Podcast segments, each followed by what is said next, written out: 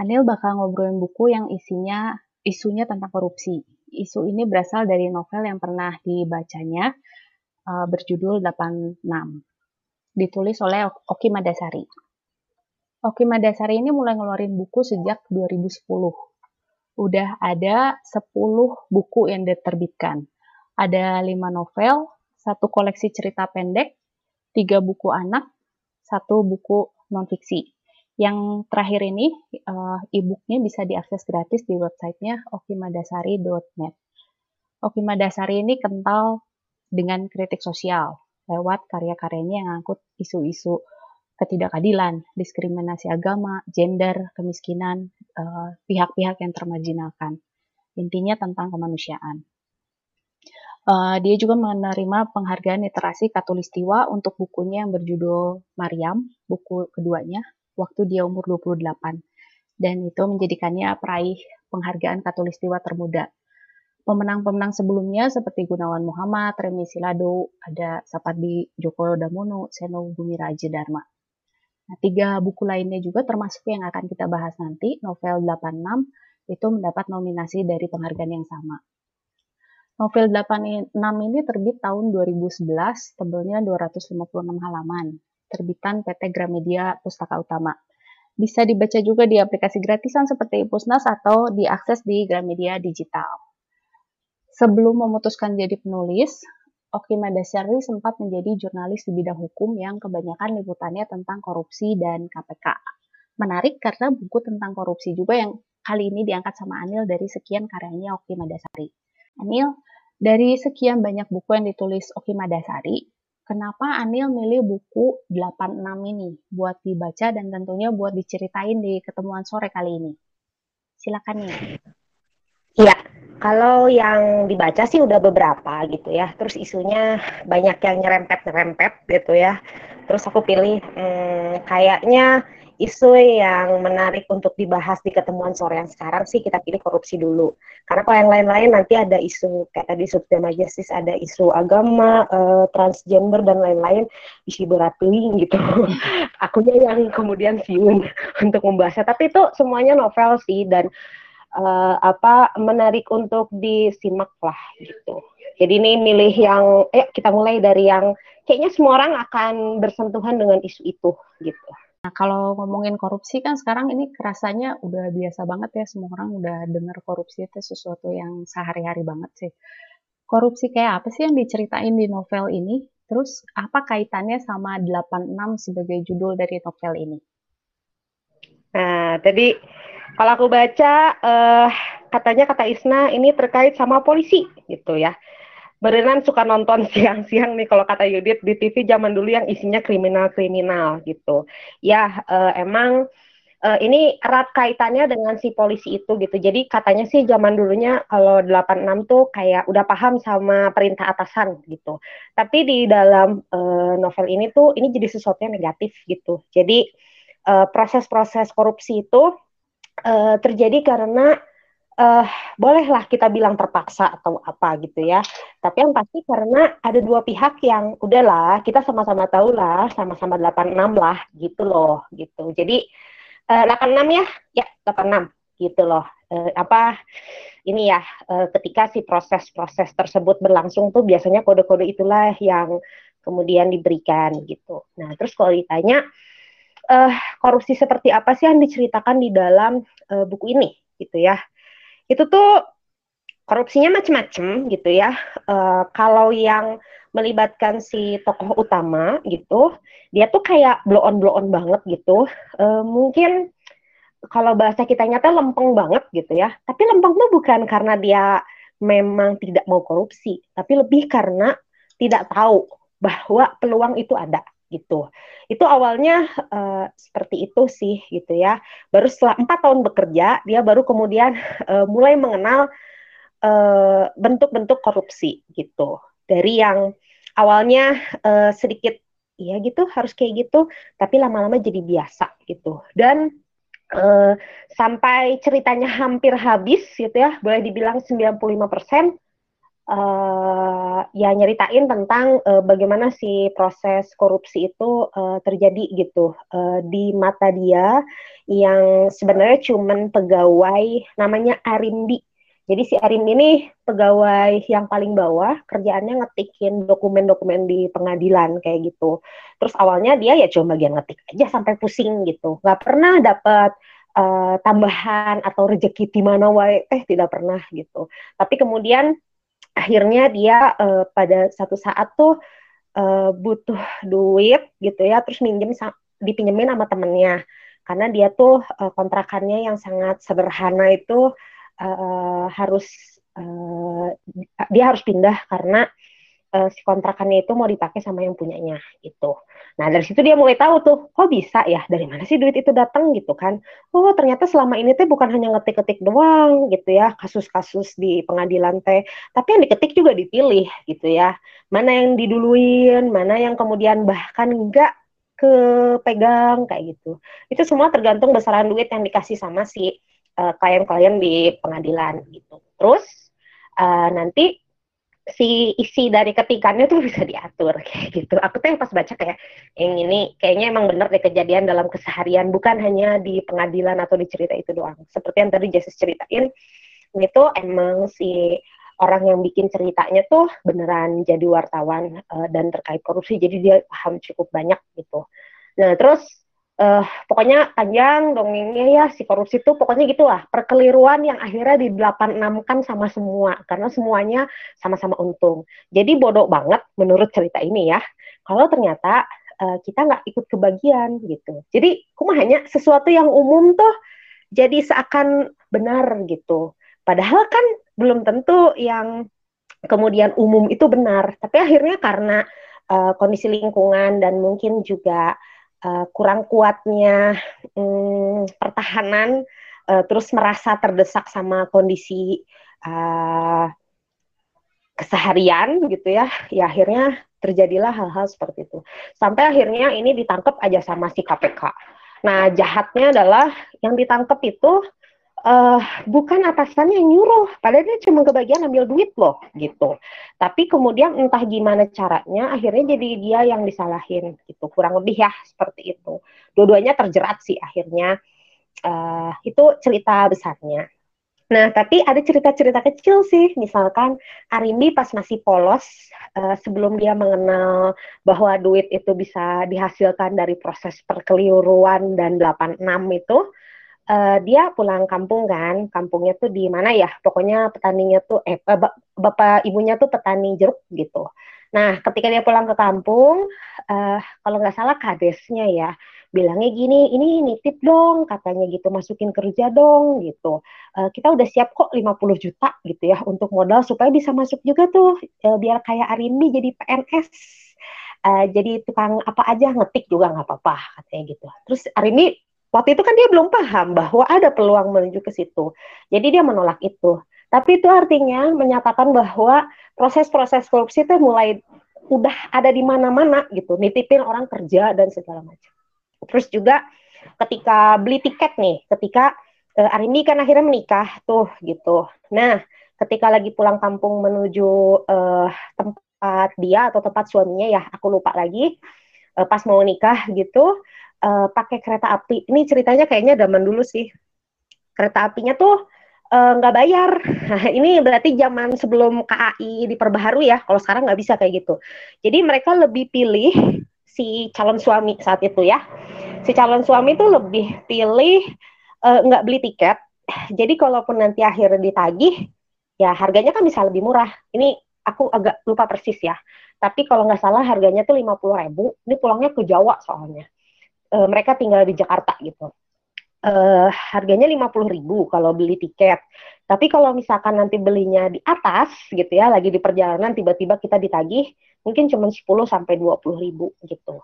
Nah itu juga kan bentuk-bentuk yang akhirnya membuat orang jadi bisa korupsi gitu karena ya semua akhirnya sama-sama memahami perkeliruan dan perdelapanan enam ini gitu. Uh, bentuknya jadi uh, macam-macam tapi kalau cerita tokoh utama sih ya tentang tadi lah uh, termasuk uh, di penjara. Jadi kan uh, ceritanya udah di tadi tuh setelah ketahuan ngambil duit kan, ngambil duit sogokan, uh, akhirnya pada di penjara. Wah, di penjara juga banyak banget itu mainannya, duit-duit tuh tebaran di mana-mana. Jadi uh, di sini nggak ada dedom ya. Nah, kalau ada dedom dia pasti bisa cerita lebih banyak lagi. Jadi kalau mau masuk ke dalam penjara tuh bukan kayak ini loh. Kalau yang pernah nonton film Korea apa ya namanya ya?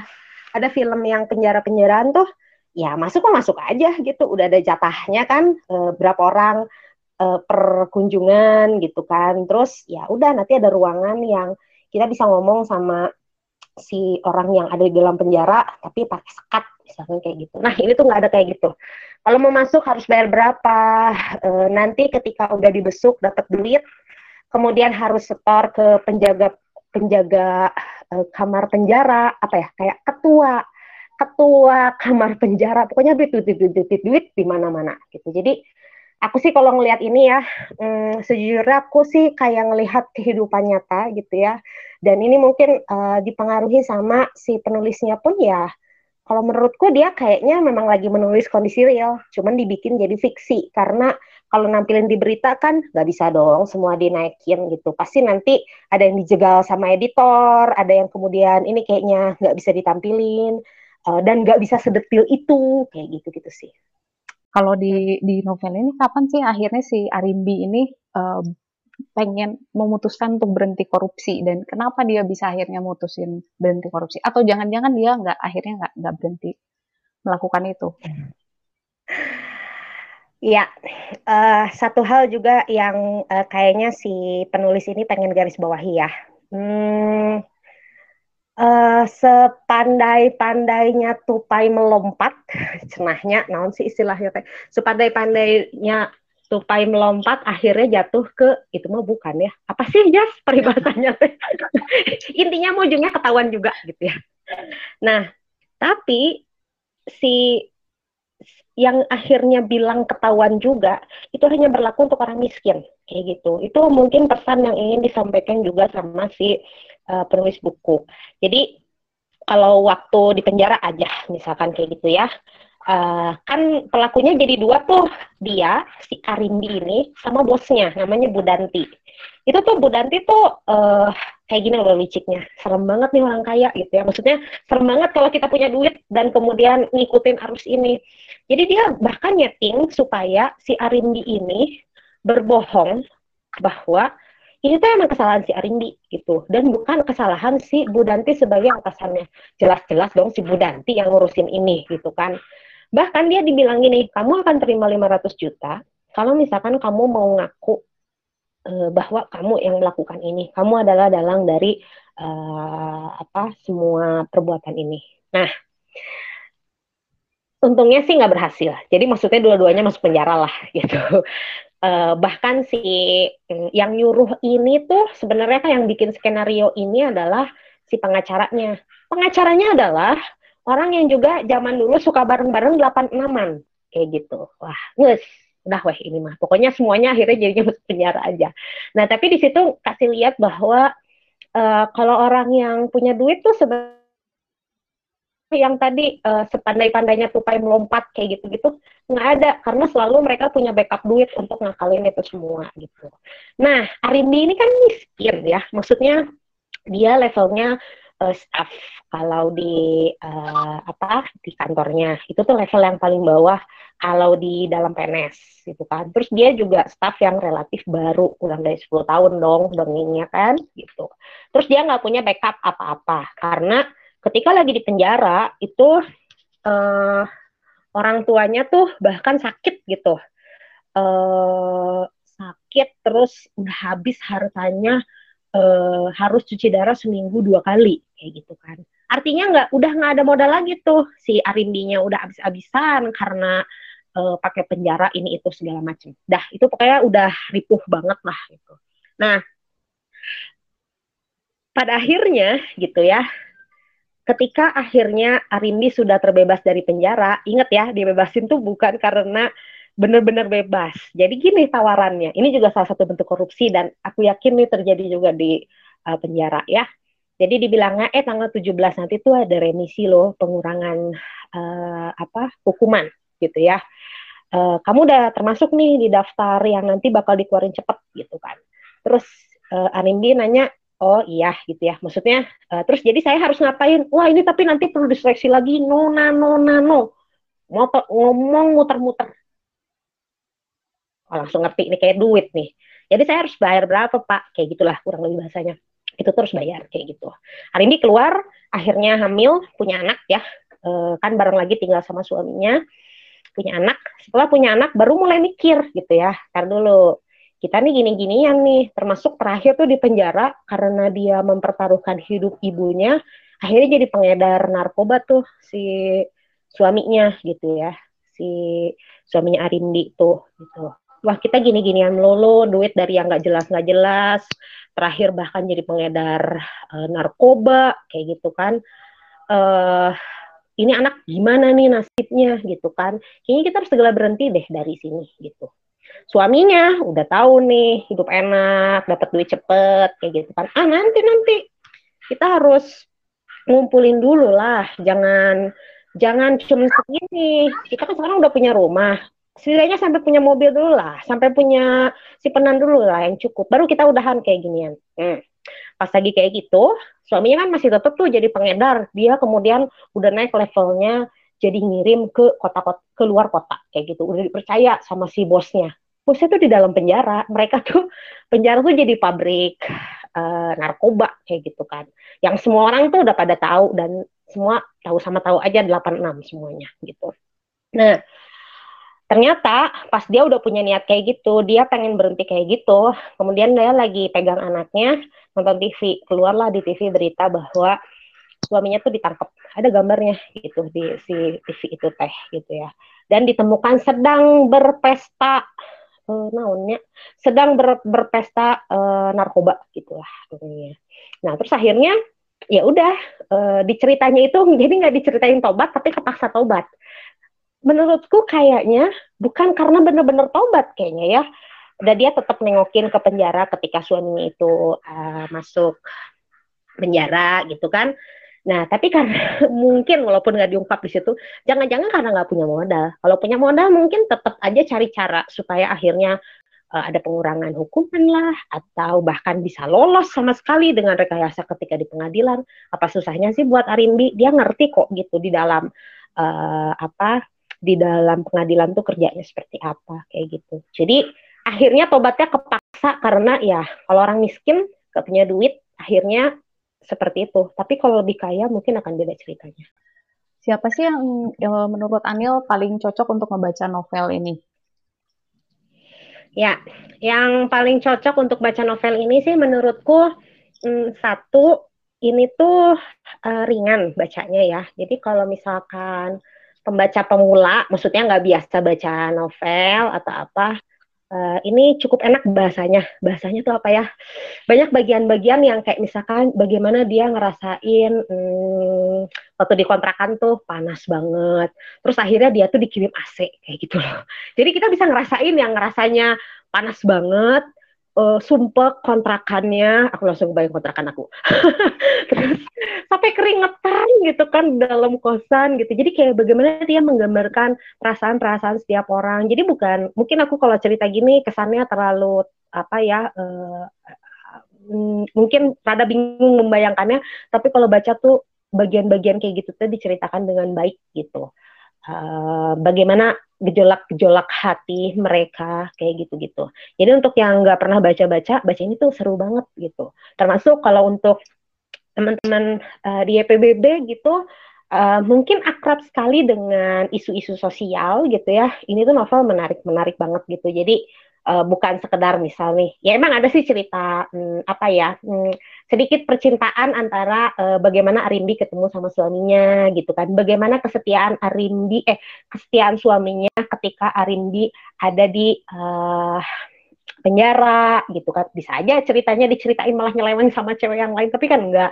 Bagaimana kemudian Arimbi sambil bawa bayi uh, kemudian nengokin suaminya kayak gitu. Tapi yang lebih kental tuh isu-isu sosial. Jadi teman-teman bisa banget juga jadi audiens yang cocok untuk baca buku ini. Nah, satu lagi adalah tentu orang-orang yang ngerasa 86 ini biasa.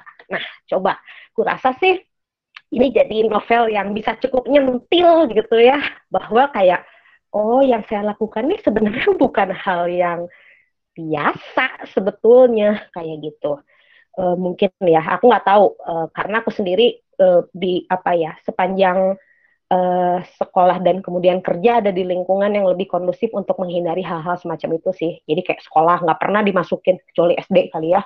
Uh, yang hasil tes tes tuh bener-bener hasil tes kerja mau ke mana gue kayak PBB dulu aja nggak digaji gak usah nyogok nyogok asup weh gitu kan nah tapi aku nggak paham mungkin kalau orang yang merasakan baca buku ini tuh uh, setidaknya bisa menyentuh hati mereka lah gitu isu lain ya mm -hmm. isu lain uh, selain selain uh, urusan korupsi gitu ya, di sini juga ngegambarin um, seremnya penjara, termasuk salah satunya di sana tumbuh subur juga ternyata um, pola relasi antara sesama jenis.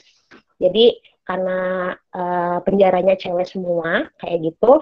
Uh, dan kemudian mereka berbulan-bulan bahkan bertahun-tahun nggak ketemu sama cowok mungkin tapi di sini diceritain si Arindi sama uh, suaminya tuh uh, mereka suka curi-curi sih gitu. Jadi di ruang tunggu pak kodok-kodok ini kalau bahasa kalau bahasa kasarnya ya.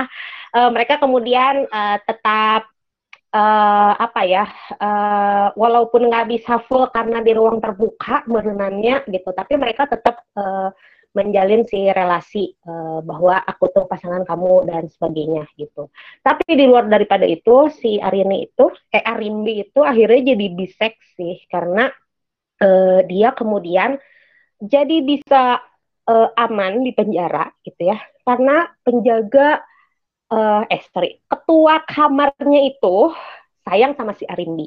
Sayangnya tuh bukan kayak oh ya nih kamu anak baik atau apa. Bukan tapi justru ya mereka jadi pasangan juga kayak gitu. Dan itu tuh kalau dibaca sih di situ kayak jadi semacam memenuhi kebutuhan masing-masing aja kayak gitu sih gitu. Dan uh, itu dibahas ya menurutku secara secara masuk akal sih mungkin masuk akal gitu ya.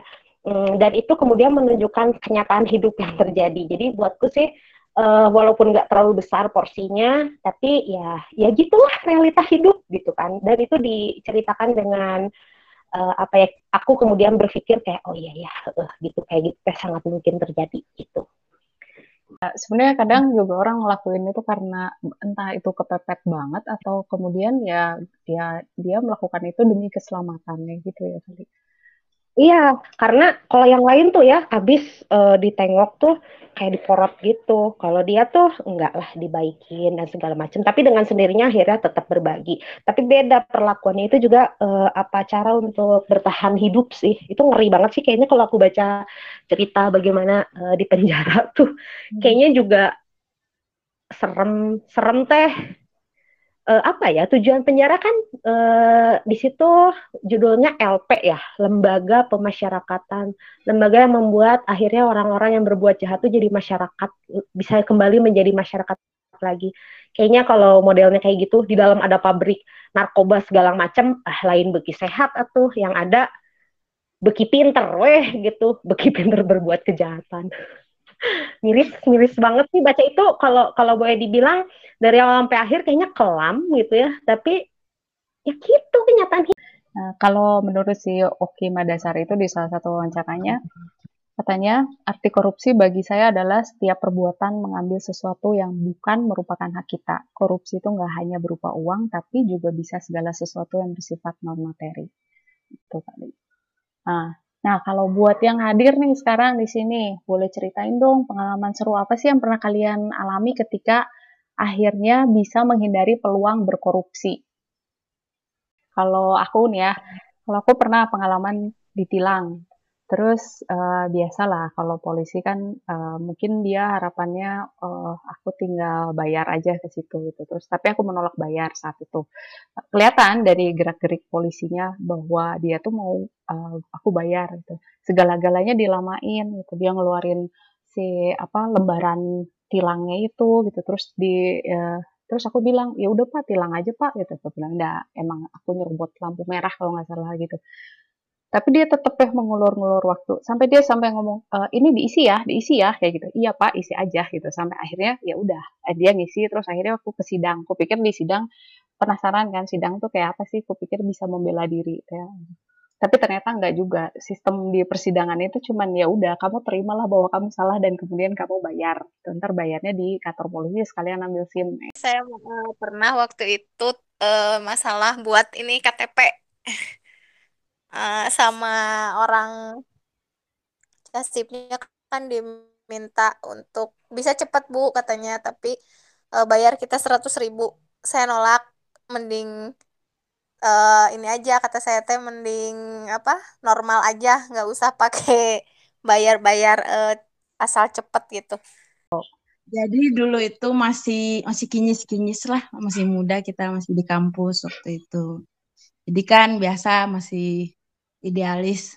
Sekarang juga idealis sedikit sedikit nakal. Jadi zaman di kampus kita itu ada kegiatan. Kegiatannya itu waktu itu ulang tahun lah, ulang tahun unit kegiatan mahasiswa. Lumayan acaranya gede, butuh dana ya 30 jutaan lah lebih. Terus kita kan ngajuin proposal kegiatan lah ke Dinas Pemuda dan Olahraga itulah terus kemudian eh, setelah masukkan proposal sekian lama ada balasan. Setelah ada balasan oke okay, katanya kita di ACC nih. Di ACC dapat dana bisa cair sekian juta. Tapi dipotong dipotongnya tuh malah hampir 10 juta. Gede juga pemotongannya. Terus tapi kita dapatnya sebenarnya gede juga jadi uh, kita tim yang mengurus proposal ini berembuklah ceritanya. Gimana ini kita lumayan dapat duit, tapi ini ada unsur korupsinya gitu. Kalau kita terima bahwa kita disposisinya diterima, kita ambil duitnya, kita dapat duit cuman dipotong 10 juta. Nah, habis itu kita putuskanlah kita menolak menolak menerima uang itu padahal lumayan karena ada unsur korupsinya di sana. Yang korupsi pasti yang ngasih dari sananya.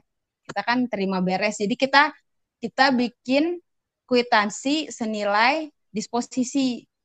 Nah, tapi nanti uangnya dia yang ngambil, kita cuma dapat sekian. Akhirnya kita tolak, alhamdulillahnya kita tolak. Kalau enggak kan duitnya duit anu-anu juga. Padahal yang untung mereka ya, kita mah cuma terima duit, bukan kita yang korupsi. Tapi mungkin karena waktu itu masih uh, kita mah idealis sebenarnya. Makanya berhasil melawan korupsi. Dan secara pribadi orang-orang di lingkungan kita saat itu juga sangat idealis. Makanya kita bersama-sama menolak disposisi itu. Gitu ceritanya. Pentingnya lingkungan yang kondusif ya.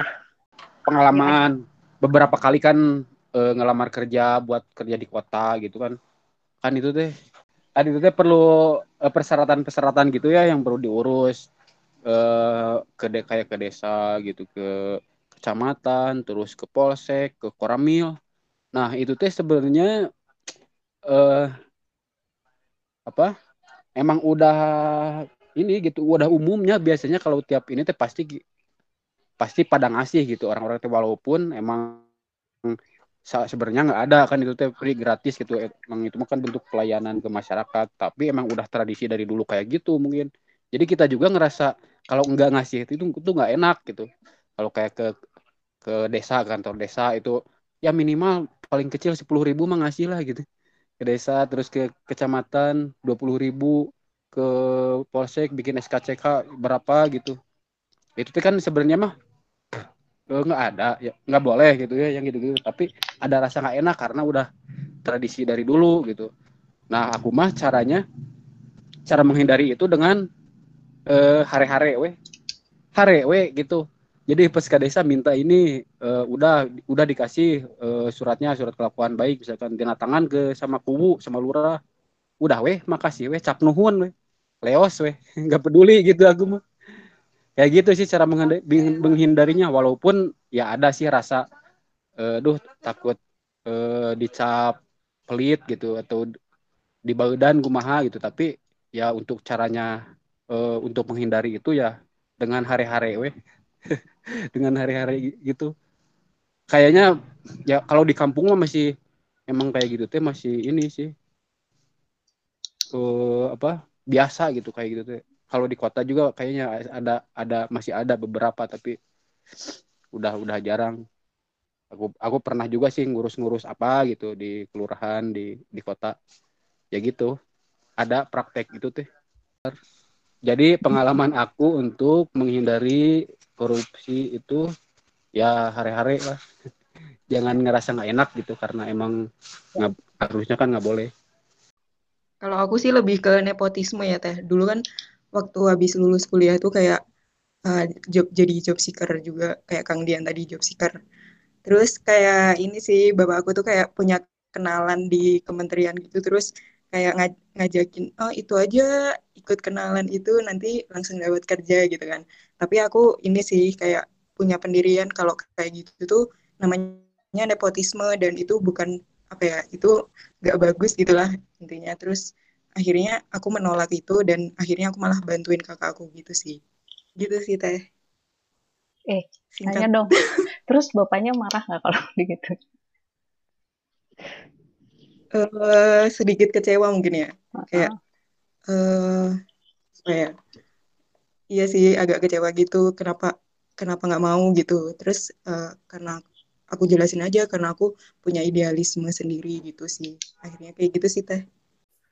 Kalau aku tuh mirip sama kayak Bu Mira sih gitu ya. Maksudnya pas buat kayak KTP sama kakak gitu kan harus diganti tuh karena uh, ada yang beda lah gitu.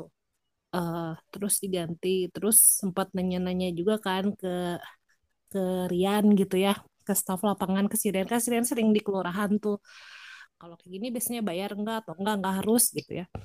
Terus berhubung si kelurahannya dekat dari rumah tinggal jalan kaki doang gitu terus ke sana gitu.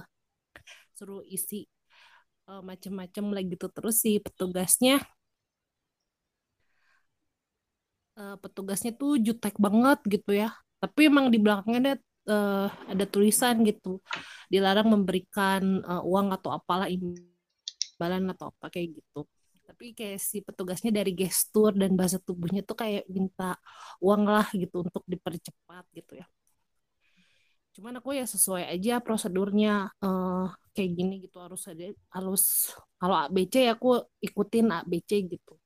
Walaupun misalnya itu lama gitu ya sampai si kakaknya jadi kakaknya duluan jadi tapi si KTP-nya tuh nggak jadi uh, jadi pas diambil kan karena ngambilnya bukan di kelurahan si kakak dan KTP-nya di kecamatan pas diambil tuh si KTP tuh belum jadi nggak tahu kenapa. Jadi kayak karena yang ngambil si papa gitu si papa tuh bilang katanya uh, belangkonya habis kayak gitu. Nah belangkonya habis tuh oh ya udah tuh karena si papa pun tahu nggak mau ngasih uang gitu ya. Ya udah antepin. Ternyata si papa ketemu lah dengan palurah karena si papa sebagai RT di wilayah si kelurahan temulah dengan palurah si palurah nanya pak ngapain ke sini? Saya mau ngambil KTP anak saya. Katanya belangkonya nggak ada. Oh sebentar ya. Uh, saya tanya dulu si palurahnya ke dalam kantor kecamatan nanyain ke petugasnya. Ini kenapa warga saya kok nggak ada belangkonya katanya. Itu hanya dalam berapa menit langsung dicetak oleh si petugas itu nggak tahu takut atau gimana gitu. Kok kata si papa aneh banget ya cuma sama pelurah digituin belangkonya langsung ada kayak sulap aja gitu. Dan emang kita nggak mau dan mestinya emang si kakang si KTP itu emang harus udah jadi barengan gitu karena sebetulnya udah ada juga cuman kayaknya si petugasnya minta duit gitu tapi kita nggak mau ngasih. Jadi kalau teman-teman lihat ini mah pendek. Kalau teman-teman lihat aku mengundang pakai akun pribadi aku nih pakai uh, bikin bikin undangan Jimit kali ini aku pakai akun pribadi bukan akun @ypbb.or.id Kenapa? Karena itu fasilitas kantor. Acara ini bukan acara kantor gitu ya. Dan ternyata gitu ya, memang beda fasilitas yang berbayar sama nggak berbayar gitu. Kalau yang kantor kan dibayar tuh. Makanya uh, ada belakangnya @tpbb.r.id. Kalau misalnya nggak dibayar, yang kerasa tuh, yang ngadmit peserta cuma bisa aku sendiri kayak gitu. Beda kalau misalkan pakai akun yang berbayar. Nah itu contoh kayak menghindari yang ya elah gitu doang gitu kan. Uh, toh juga nggak akan mengurangi. Nah tapi kalau mulai dari yang kecil-kecil kita kebiasaan ya elah ya elah, nanti bisa jadi nggak akhirnya semua jadi biasa sih. Itu yang uh, coba uh, dimulailah dari yang kecil-kecil kayak gitu.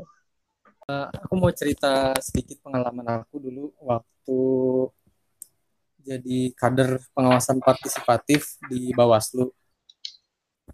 Jadi uh, kita kan dapat pendidikan tentang pemilu, terus tentang kampanye dan lain-lain gitu.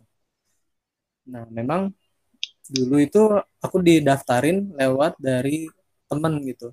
Di ada rekomendasi uh, bukan rekomendasi, bukan bukan di ini, bukan di apa ini ini, ini aja gitu, bukan bukan gitu. Tapi ini persyaratannya ini ini ini kalau misalkan lolos nanti boleh gitu. Ternyata uh, lolos gitu kan. Nah itu dari segi uh, seleksi daftarnya. Tapi ternyata ada juga gitu yang hmm, apa masuknya itu karena memang dari kenalannya gitu dari orang dalamnya. Oh loh kok uh, yang dari umum kayaknya cuma dikit doang gitu tapi yang banyakannya tuh dari dari partai-partai itu embel-embel partai lah gitu. Nah selesai kita pendidikan partisipatif Bawaslu uh, apa ya kerasa banget gitu ada partai yang berusaha mendekati gitu mendekati mendekati jadi uh, mereka seolah kayak pengen apa-apa nanti gabung ke ke kita gitu. Padahal kan sebagai Bawaslu uh, harusnya itu netral gitu, tidak tidak tidak apa tidak memihak ke satu partai mana pun gitu. Namun uh, di di pada kenyataannya gitu ya ya baik lagi gitu. Ternyata banyak juga yang yang apa yang mereka tuh jadi ya Ya, di traktir gitu kan terus di di ini inilah pokoknya di, difasilitasi lah bla bla bla gitu kan. Dalam artian mereka harus membantu mereka gitu. Uh, si partai ini harus membantu si si bawaslu ini harus membantu uh, si partai ini gitu kan kader-kadernya. Nah ternyata banyak juga gitu yang mereka lobby lobby itu dari apa uh, dari partai-partai ke Bawaslu ya hanya sekedar kalau dilihat dari permukaan gitu ya mereka memang terlihat seperti netral gitu. Tapi kalau dilihat lagi ada main dari belakang gitu. Ada oh kalau misalkan nanti ada pemilihan ini ya gitu. Kita eh, apa nggak nggak ribut lah gitu. Nggak ribut ini kalau misalkan pemilihan ini saya ngambil suara di sini nih ngambil ambil suara di sini dan menggunakan uh, apa kampanye yang malah kalau dilihat dari, dari dari aturan itu sebetulnya menyalahi gitu. Nah, saya pernah diajak gitu ya sama salah satu partai gitu untuk jadi ibaratnya tim ses mereka gitu. Padahal kalau tim ses itu kan nggak bisa merekrut dari Bawaslu gitu dari apa kader kader Bawaslu gitu. Harus ya, ya pihak luar gitu. Dan Bawaslu sendiri memang harus tidak memihak ke mana pun gitu. Disuapin dan dikasih ini kasih amplop gitulah.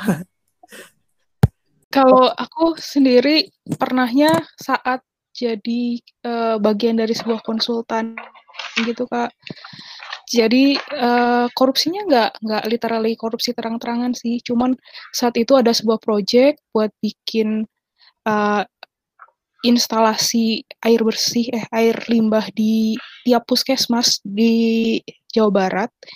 Dan maksudnya itu ada proyek ditawarin uh, suatu orang lain apa orang lain lah ya.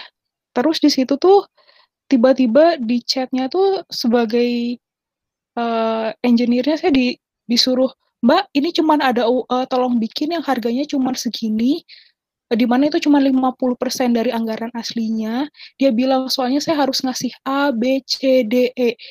Padahal uh, terus dalam hati saya uh, ah ini udah project pasti nggak bener nih gitu kan. Isinya maksudnya gimana caranya saya mau ngasih sebuah desain yang baik kalau uangnya aja udah di gituin gitu. Terus ya ya intinya saya masuk dalam lingkaran itulah. Jadi uh, ikut project itu gitu. Padahal ya harusnya saya nggak boleh yang namanya milih-milih kerjaan di konsultan kan karena bukan konsultan punya saya. Tapi ya itu eh, daripada apa menyaksikan hal yang tidak benar di depan mata dan ikutan di dalamnya sambil menggerutu mendingan nggak ikut sama sekali aja dari awal apa biarin deh eh, dikatain apa terlalu rigid maksudnya keras maksudnya terlalu kaku atau apa pun itu kan nanti kita diri masing-masing yang ini ya yang nanggung uh, dosanya di akhir gitu sih kalau aku jadi korupsi kayak gini tuh banyak bentuknya di sektor mana pun kayak gitu dan emang pilihan kita sih mau ikutan atau memilih untuk gak ikutan walaupun dengan konsekuensi kayak gitu. Uh, kalau saya pikir sih kalau karena posisi kita rakyat ya, yang bukan korupsi mungkin tapi pungli merenya kurang yang sering peluang kita melakukan itu pungli. Eh, karena biasanya pingin pingin cepat nggak mau ngantri dan lain sebagainya. Kalau peluang kalau saya pernah pungli itu pas pernah ditilang pertama kali itu ditilang mungkin SMA atau kuliah awal ya. Karena ketidaktahuan eh, hilang di tempat gitu lah pungli sebenarnya itu. Nah setelah itu saya pelajari aturannya oh ternyata gini gini gini. Setelah itu mudah-mudahan seterusnya nggak pernah lagi pungli.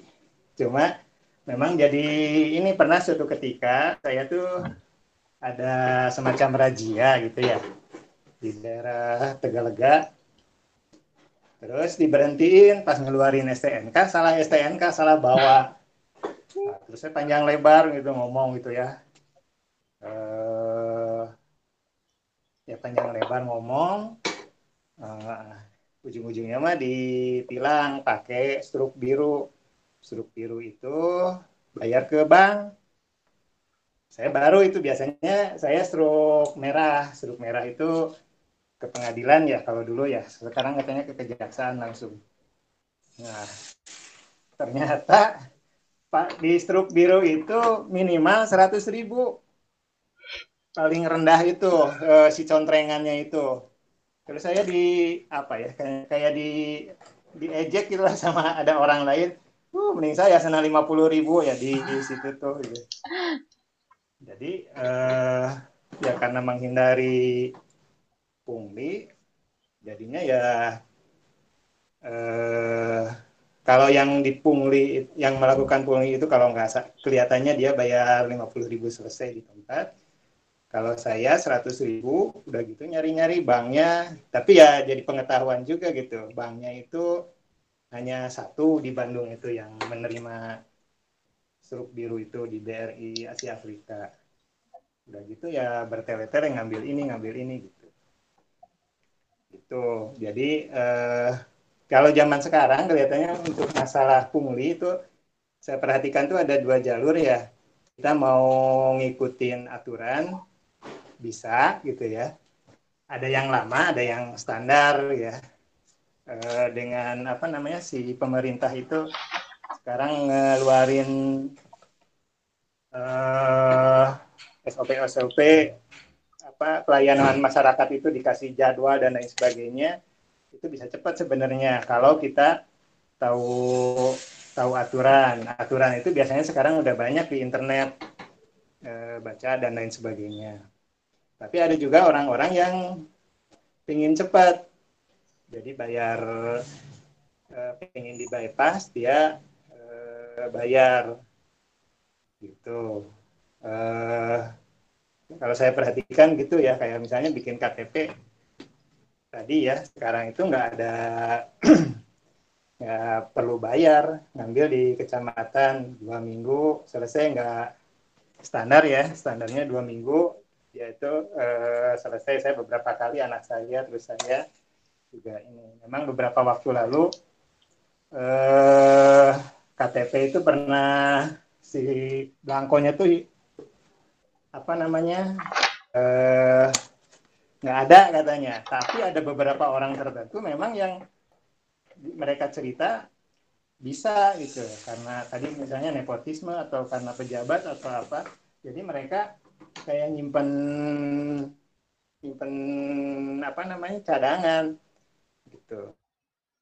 Jadi eh, posisi kita kalau saya menurut saya gitu ya sebagai masyarakat itu apakah mau melakukan pungli atau enggak? Terus yang tadi kayak kata Dian ngasih ke polisi misalnya surat kehilangan. Mau ngasih mangga mau enggak? Cuek juga mangga karena memang nggak ada nggak ada aturannya. Nggak tahu ya kalau ada yang minta. Nah terus ada lagi sekarang yang kayak misalnya kayak leasing leasing luar negeri itu atau apa?